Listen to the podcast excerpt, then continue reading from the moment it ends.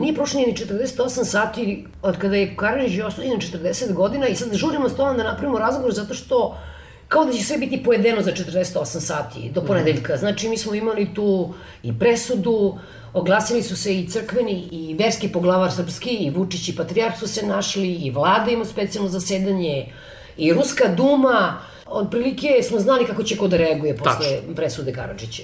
Prvo, zbog čega ti misliš da je ovako burno reagovano, upotrebljena cela ta artiljerija najteža, Da li zato što je on tako visoko politički bio pozicioniran ili, da. ili to politički trenutak ovde ili kako ti to razumeš? Da. Pazi, u, u, u toj presudi, u smislu konkretnih zločina, ne piše zaista ništa novo.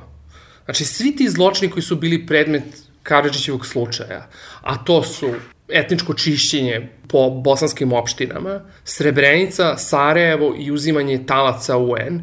Od tih zločina samo je zapravo nov ovaj moment uzimanja talaca mirovnjaka njih nacija. Sve ovo ostalo, ti si već imala desetine slučaja koje se time bave. Tipa Galić za Sarajevo, koji je bio komandant uh, opsade Sarajeva, ili za Srebrenicu imala si seriju slučajeva koji je veliki, najveći slučaj Beara, Popović i drugi, jeli, koji su dakle, bili neposredni izvršitelji genocida. Tako da, S te strane tu ne piše ništa novo. Znači, razlog zašto ljudi reaguju na to, to je zašto političare i drugi ono, elite u, u regionu reaguju na to, je upravo rang Radona Karadžića, jer oni uvide u celoj toj presudi, oni vide sud o tome koja je strana bila pravična i ispravna u ratu i kakve to ima posljedice po današnji jeli, život svih tih zajednica u Bosni, pre svega. Dakle, bosansko-muslimanski nacionalisti koriste celu priču da delegitimišu Republiku Srpsku, dok s druge strane srpski nacionalisti koriste celu priču da legitimišu Republiku Srpsku. Dakle, zato oni na taj način na nju reaguju. A ne zato što u njoj nešto piše što nisu očekivali. Svi su znali da će on biti osuđen i zašto će biti osuđen. Najavljujući sastanak i vlade i sastanak sa patrijarhom, rečeno iz, iz kabineta Vučićevog da vidimo šta ćemo sad. Pa ne, šta ćemo sad? Mislim, cela ta ideja, to samo pokazuje koliko Vučić zapravo pametan u manipulisanju javnim njega. Što sad on ide kod patrijarha. On neverujući čovek, je za da kaže da ne veruje. Znači, ide sada, ja patrijarh kaže, eto, mi smo u simfoniji. To ti je inače stari vizantijski ideal kako su država i crkva zapravo jedno, a šatrov su kao odvojene. Znači, to je cela ta jedna ideja gde on sebe stavlja na branik srpskog naroda i sad će on da odbrani Republiku Srpsku od napada. Dodik je to uradio još brutalnije, preventivnije, pre nego što je presuda izreknuta tako što je otvorio onaj studentski dom po imenu Radovana Karadžića. Mislim, to je toliko providno, ali to deluje i zato oni to i rade. Da se vratim na ovu presudu. što je stavljeno njemu na teret četiri udružena zločinačka poduhvata. Kad se kaže udruženi zločinački poduhvat, ovde ljudi uglavnom misle to je po komandnoj odgovornosti. Ne, to su dve odvojene stvari. Dakle, zajednički zlo, udruženi zločinački poduhvat, zajednički zločinački poduhvat je oblik krivične odgovornosti koji je zaseban od saučesništva, koji je zaseban od komandne odgovornosti. Komandna odgovornost je sledeće. To nije odgovornost zato što si ti naredila nekome da izvrši zločin. Kad bi mi imali dokaz da si ti naredila, ti bi bila osuđena kao izvršilac. Dakle, komandna odgovornost je da si ti znala ili imala osnovanih razloga da znaš da neki tvoj potčinjeni vrši zločine, a nisi ništa uradila da to sprečiš ili pošto je zločin već izvršen, ništa nisi uradila da to kazneš. To je komandna odgovornost. Zadnički zločinački poduhvat je ti i ja se dogovorimo, delimo istu nameru da izvršimo isti zločin. I onda nas je ne samo dvoje, nego zapravo hiljadi i hiljadi i hiljadi ljudi, konkretno.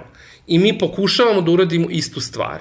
I svako od nas će odgovarati za to što je cijela ta grupa uradila. Dakle, nas troje se dogovorimo da opljačkamo banku, samo nas dvoje uđe u banku, a treća osoba koja čeka u kolima da nas odveze i ta treća osoba će odgovarati za krađu banke. Postoji sad jedna druga varijanta udruženog zločinačkog poduhvata, treća kategorija, gde će svi učesnici zajedničnog zločinačkog poduhvata odgovarati i za dela koja nisu nameravali, ali koji su im bila predvidiva.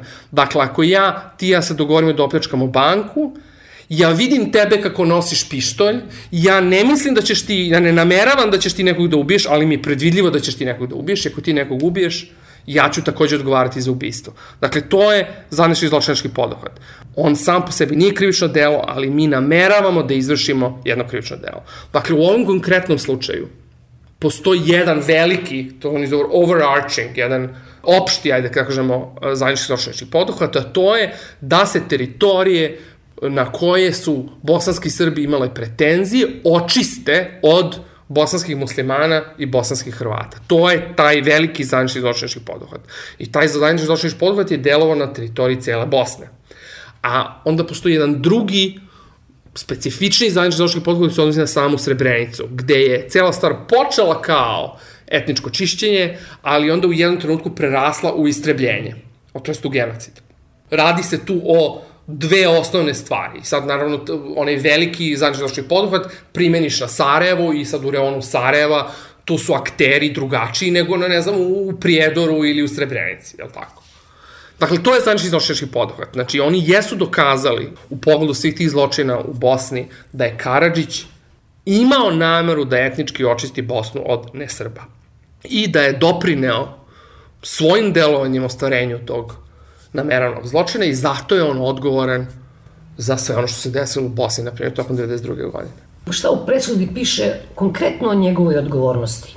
O njegovoj individualnoj krivici, mm -hmm. da kažem. Ja, zbog toga je na kraju krajeva i dobio tih 40 godina za svaki od te četiri tačke, ne tačke, nego četiri, ajde da kažem, grupacije e, zločina kojima se sud bavio, sud ide taksativno i nabrojava šta je tačno Karadžić znao u kom trenutku i kako oni dokazuju da je on delio tu nameru izvršenja zločina. Znači, na primer, da je u pogledanju, u pogledu uzimanja talaca mirovnjakovih nacija, on znao kad su oni uzeti, da je on odobravao da su oni tako uzeti, da se oni koriste da se od zapada dobiju određene koncesije, mada je po međunarodnom pravu nikad se ne može neka zaštićena osoba oduzeti kao talac. Znači, ta zabrana je apsolutna. Tako da oni su za svako od tih stvari individualno pokazali kako Karadžić znao za vršenje tih zločina i da je delio nameru da se oni izvrše. Ono gde je cela stvar najdelikatnija, ajde tako da kažem, gde je zapravo Karadžićeva odgovornost bila najupitnija, to je genocid u Srebrenici.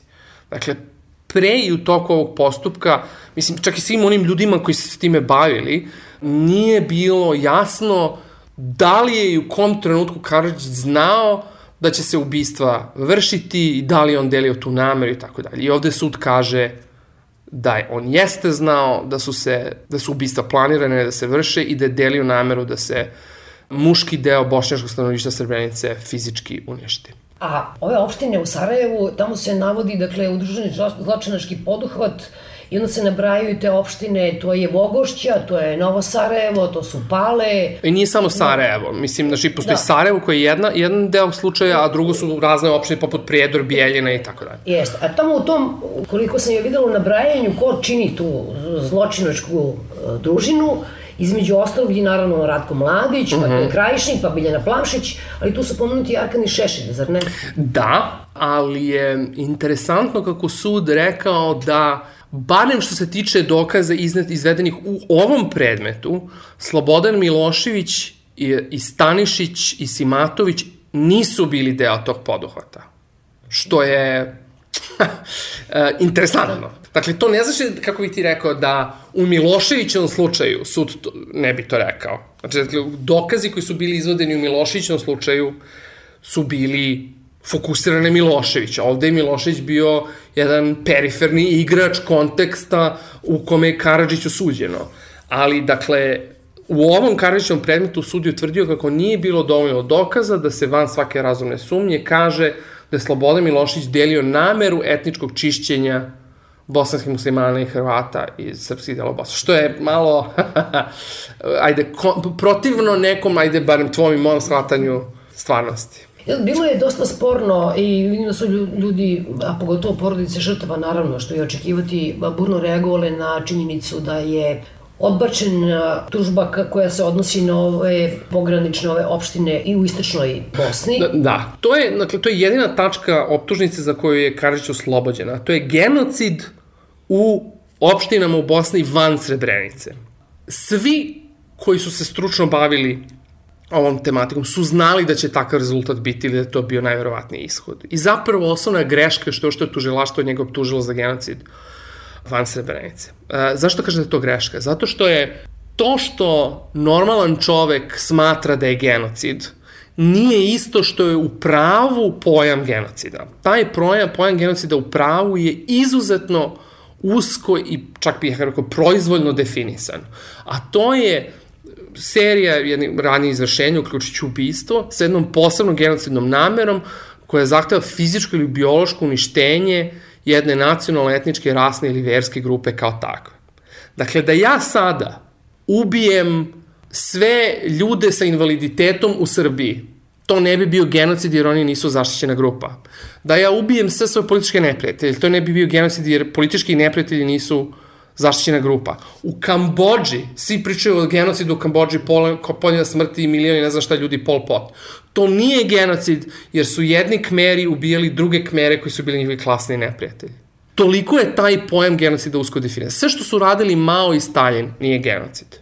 Zašto? Zato što je to bilo prvo delo, krivično delo protiv mišljenog prava koje je moglo da se izvrši u miru, koje je odmah posle drugog svetskog rata ustanovljeno. Nacistima u Nürnbergu nije bilo suđeno za genocid, njima je bilo suđeno za zločin protiv čovečnosti. Dakle, to je sad uvertirao celu ovu priču.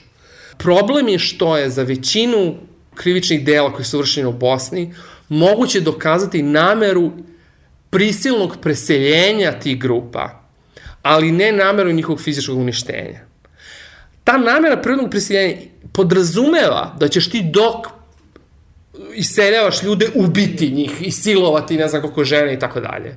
Ali osnovna ideja da se to stanovništvo protera, a ne da se istrebe.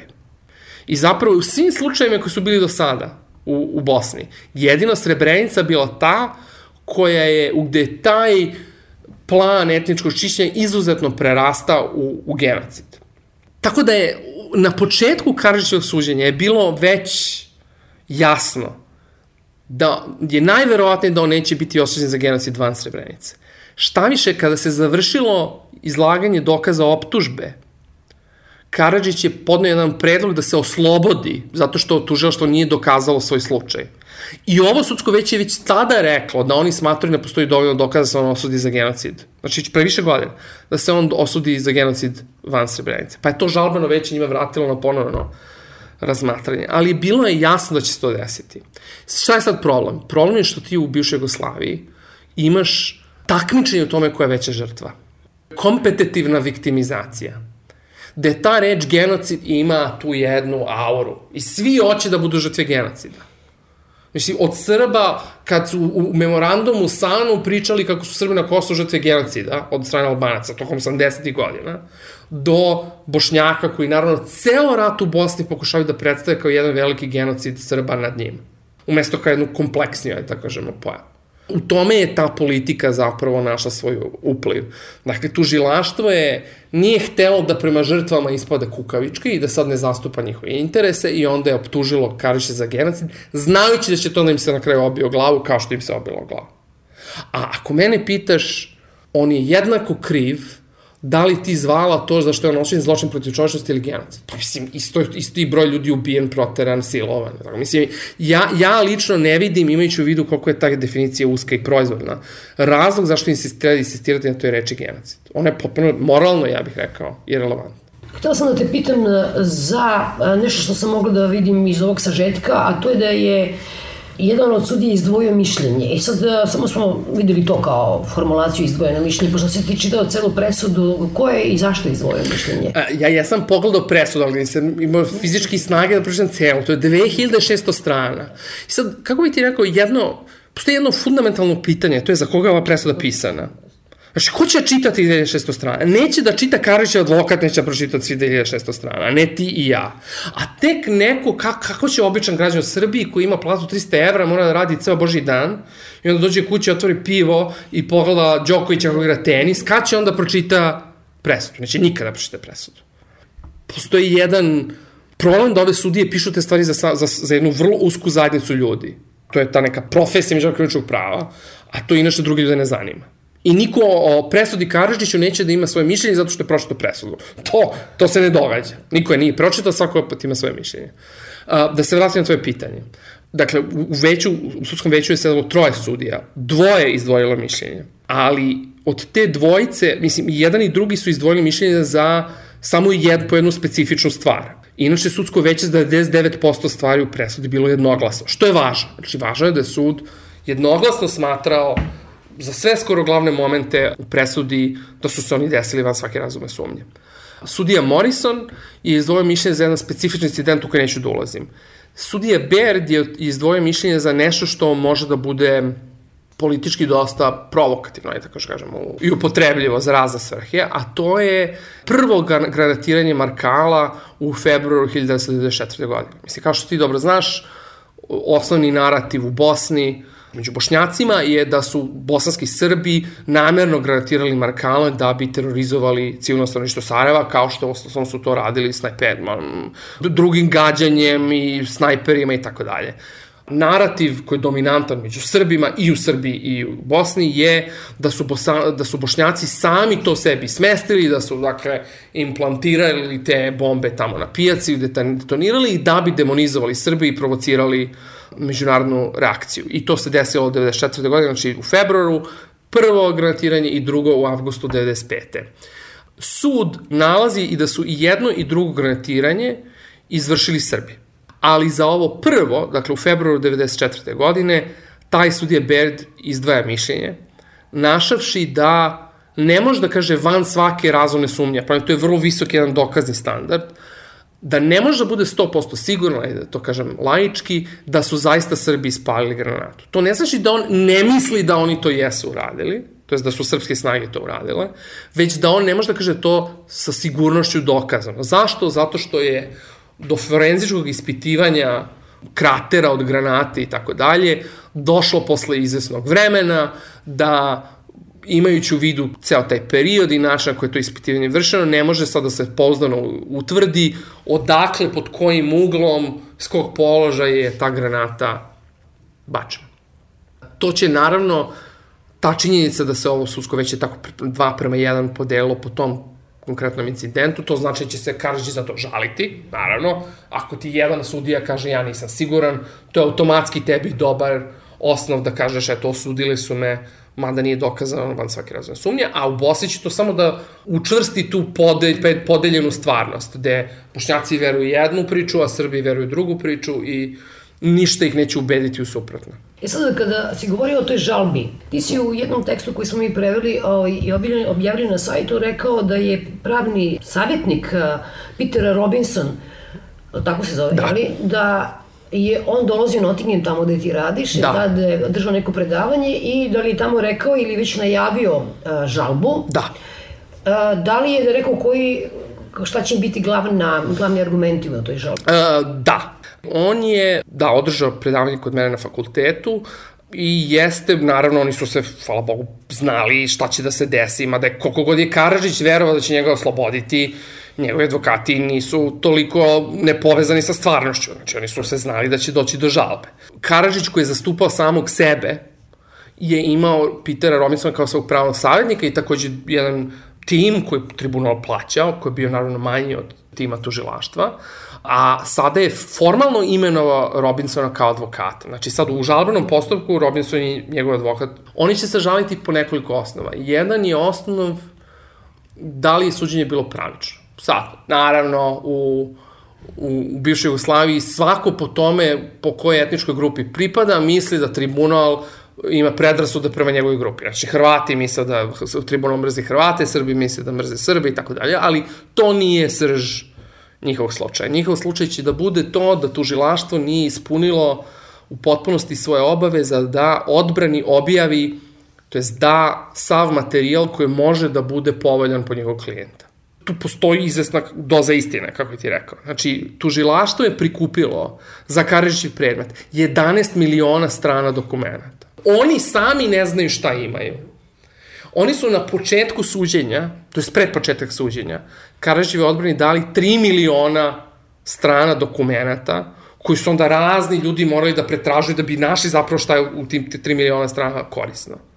Naravno da su im promakle razne neke stvari koje su možda bile ekskulpatorne, ali ih oni nisu videli u tom nekom inicijalnom pregledu dokumentacije. Tako da je u Karićevom predmetu više od 100 puta odbrana tražila od suda da utvrdi da je tužilaštvo prekršilo svoju obavezu davanja dokumentacije i sud je svaki put skoro to utvrdio. Tako da tu postoji ta jedna problematika. Ali je sud takođe činio sve što je mogao da spreči da Karadžić bude oštećen time. Tako da je on ima recimo da rekao sad je prekinuto suđe na mesec dana, da vi se upoznate sa tim novim materijalom. Eto, tako da će sad, Karadžić je odbrana jedna stvar koja će raditi pred, pred žalbenim većem, oni će tvrditi da je tu Karadžiću stvarno bio oštećen, ali oni moraju da budu do, da dokažu kako je on to zaista oštećen. Evo, da pokažu, eto, taj dokument bi naše klijenta oslobodio, ali ja ne verujem da će oni to moći da, da pokažu, pošto je prosto tolika količina dokaza protiv njega. Dakle, to je jedan osnov za koji će se oni žaliti. Tužilaštvo će se žaliti za oslobađanje od genocida van Srebrenice, tako da će ovi to pobijati.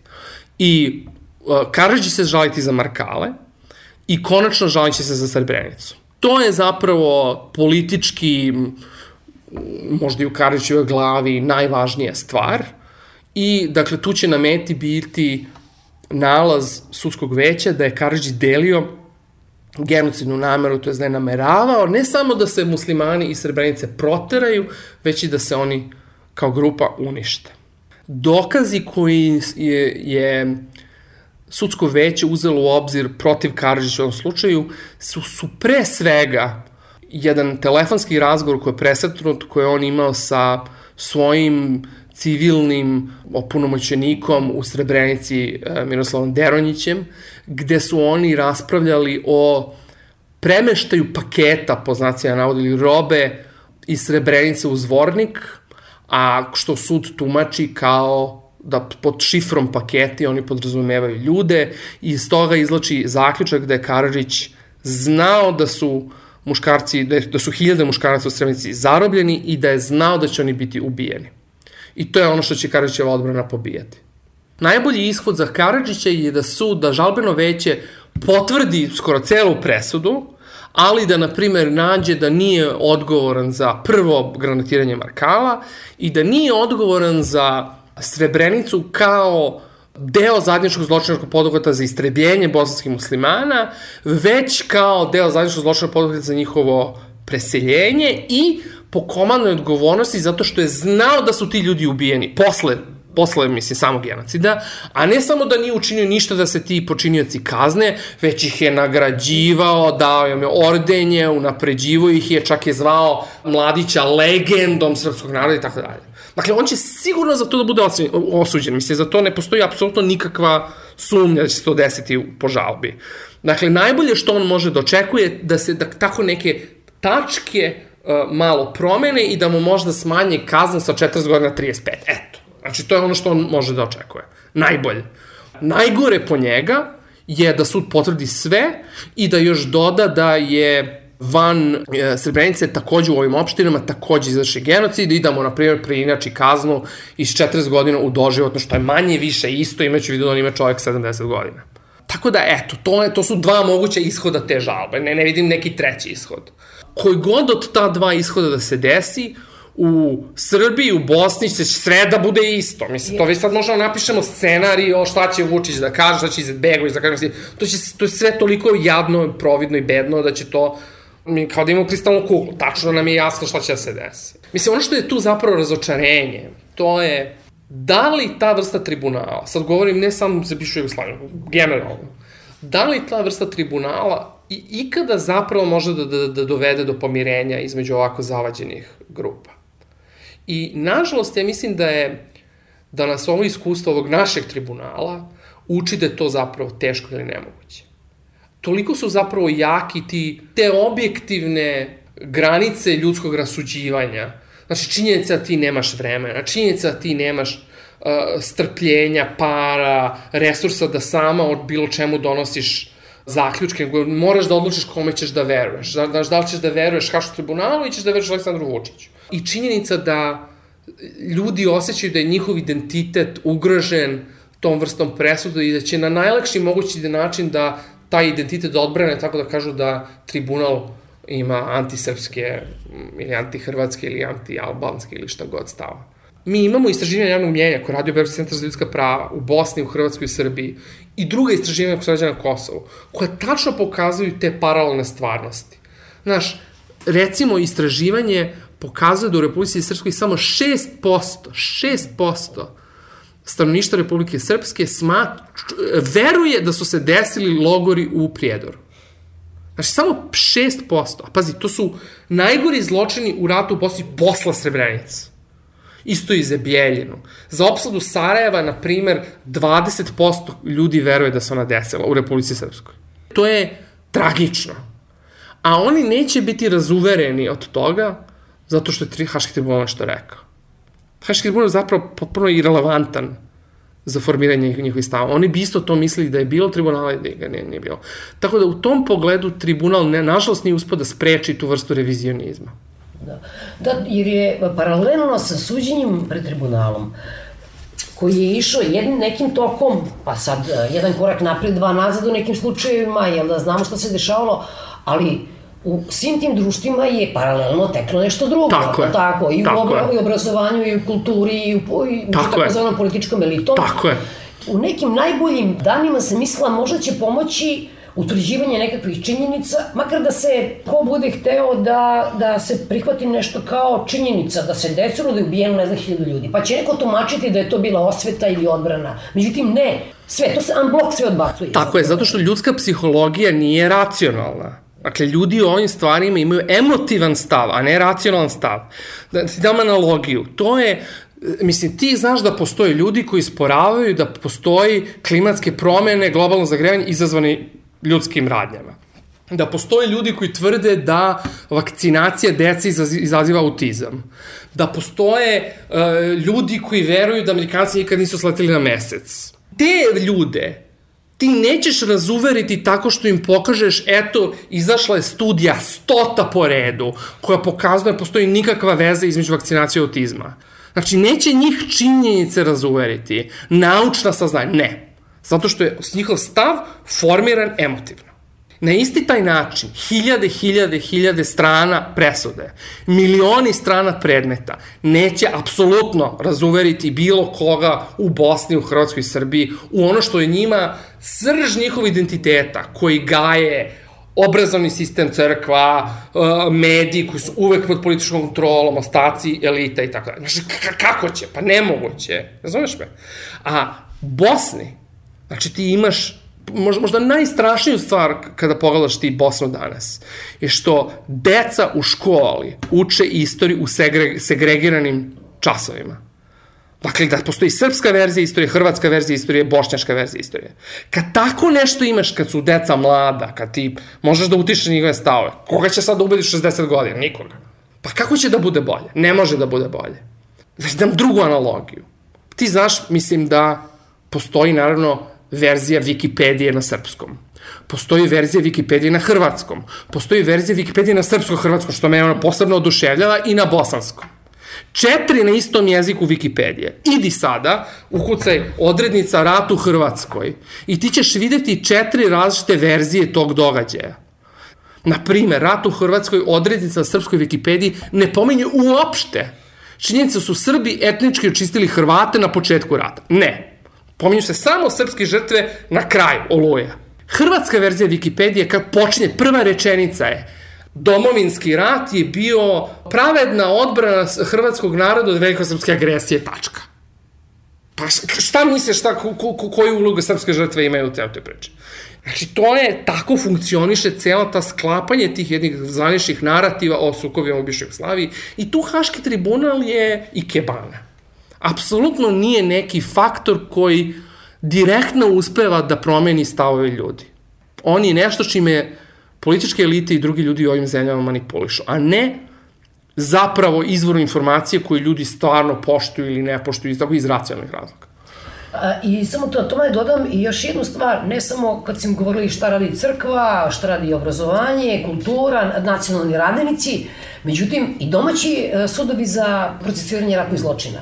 I oni u stvari mnogo toga što rade ili su radili je suprotno onome što je pokušavao sam više ili manje uspeha Haški sud, jel? Mislim, ono što je razlika zapravo između, između domaćih sudova i, među, i međunarodnog tribunala je što je međunarodni tribunal se fokusirao pre svega na krupne ribe gde tebi ta pitanja koje ulaze u srže identiteta, znaš, šta su Srbi radili Albancima na Kosovu ili šta su Albanci radili Srbima na Kosovu, se odvijaju. Slučajevi pred domaćim su mnogo manjeg obima. I to su slučaje ti možda kažeš, jao, evo, vidi ga, ovo je jedan zao čovek koji je spalio i silovo i ne znam šta radio, zato što je on kao pojedinac zao.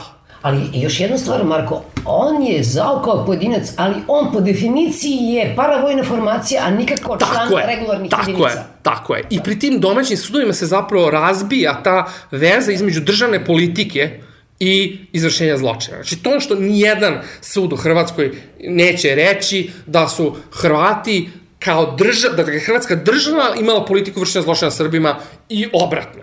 Za Srebrenicu, na primer, sad će se voditi predmet pred uh, srpskih sudovima, pa tu neće biti genocid. A ne, ne, ne, ne. Zato što ta reč opet ima tu političku težinu i nije lud srpski tužilac za ratne zločine da optuži za genocid.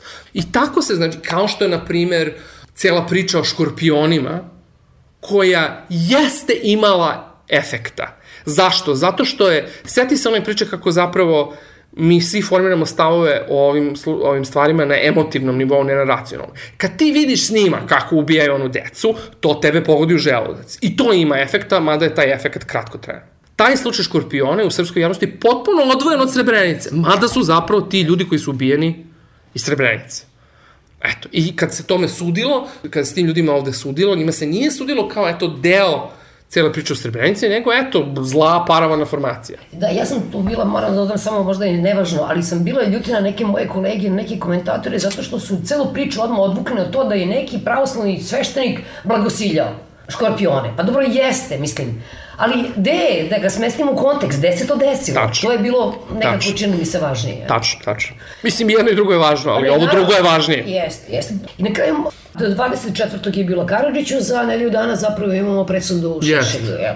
Šta ti misliš, šta bi tu moglo da se, da se dogodi i uh, vidim da su uhapsili Flores Artman, i da nisu uhapsili Vjericu Radetu, odnosno da neće predati, a i Šešelja koji naravno ovaj, neće prisustvovati izricanje presude. Da, pa, a, mislim, dobro, prvo to, ta priča sa Florence Hartman me, prosto me donekle fascinira, znaš, ja, ja, ja ne razumem, još se ne razumem šta je prvo nju nateralo tamo ode, ako me, ako me shvataš. Šta je ona mislila da će njoj da se desi?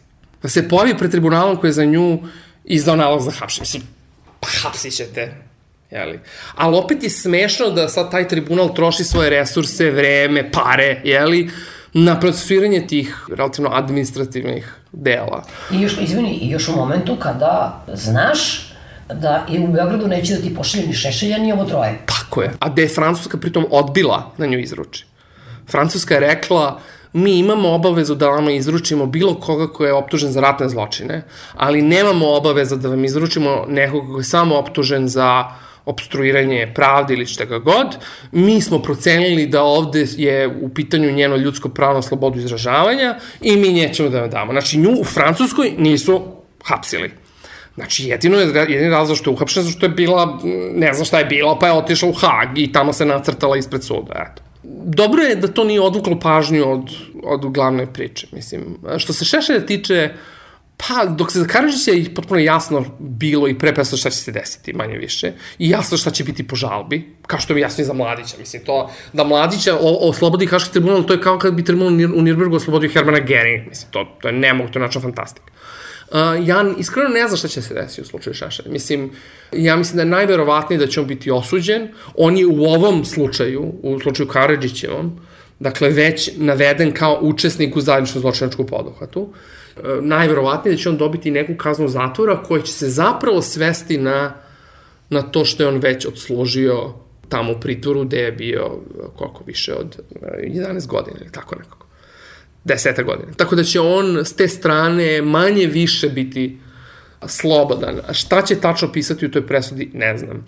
Problem sa tim predmetom prvo, pitanje da li uopšte protiv njega trebalo voditi taj postupak. Misli, sada, kad ti pogledaš iz retrospektive, prvo on nije bio neka krupna riba. Mislim, koliko god on nama ovde bio krupan, kad ti pogledaš koji su se zlotvori zašto bili optuženi pred Haškim tribunalom, on je tamo relativno mali igrač, koji je njima naneo mnogo štete u smislu i odnosa sa javnošću, u smislu resursa suda, gde je ceo taj predmet, ne neću kažem propao, ali toliko loše vođen, između ostalo zato što je predsedavajući sudija te Francuske potpuni nesposobnjaković, koji je dobio posao sudije, eto, zato što se našao na pravo mesto u pogrešno vreme i eto, to je to.